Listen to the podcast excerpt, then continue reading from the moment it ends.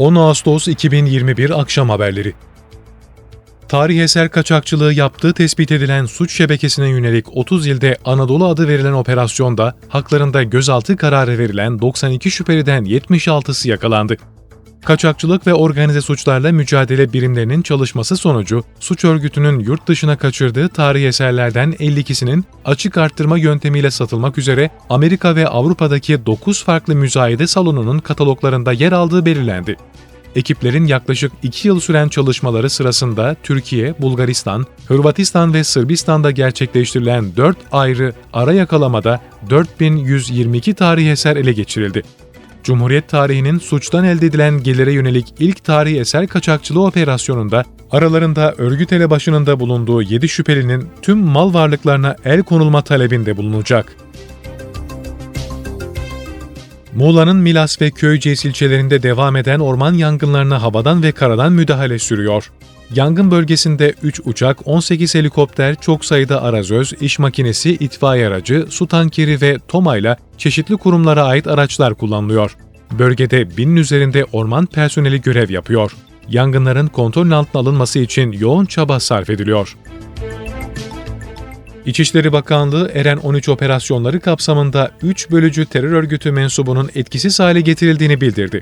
Bakanlıktan yapılan açıklamaya göre Şırnak Besler Dereler bölgesinde Şırnak Jandarma Bölge Komutanlığı koordinesinde Jandarma Komando birliklerince operasyon düzenlendi.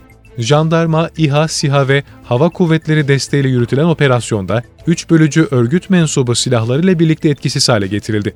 Bölgede operasyonlar devam ediyor.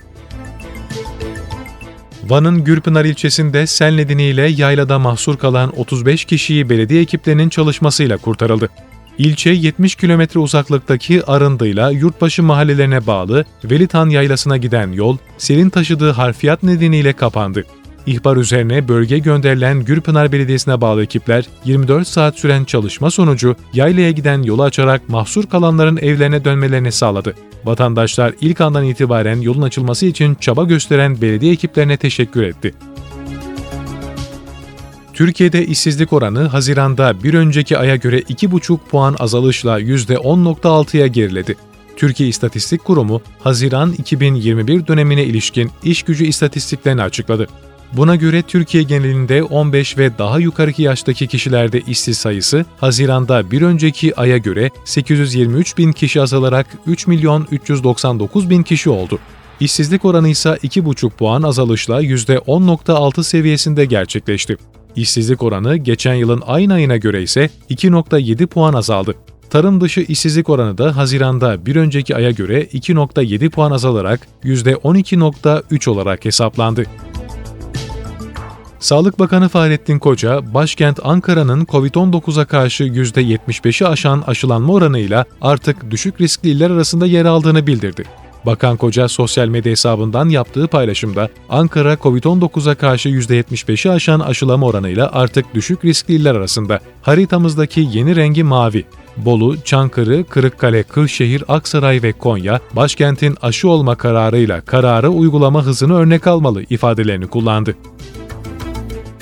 İskenderun körfezi açıklarında bir yük gemisinde yangın çıktı. Geminin ambarındaki kağıtların tutuşmasıyla çıkan yangın diğer bölümlere sıçramadan söndürüldü. Dumanların yükseldiğini görenlerin yetkililere bildirmesi üzerine bölgeye sahil güvenlik ekipleri ve romorkörler sevk edildi. Gemi personeliyle romorkörlerin müdahalesi sonucu yangın diğer bölümlere sıçramadan söndürüldü. Son dönemde yaşanan kazaların ardından Emniyet Müdürlüğü ekipleri şehirler arası yolcu otobüslerine yönelik denetimlerini arttırdı. Ekipler, şoförlerin yolculuk süresini denetliyor ve yolculara emniyet kemeri takmaları konusunda uyarıda bulunuyor. Otobüslere binen trafik ekipleri yolculara da emniyet kemeri takmaları konusunda uyarılarda bulunuyor. Denetimlerde COVID-19 tedbirleri kapsamında yolcuların HES kodu kontrolleri de yapılıyor.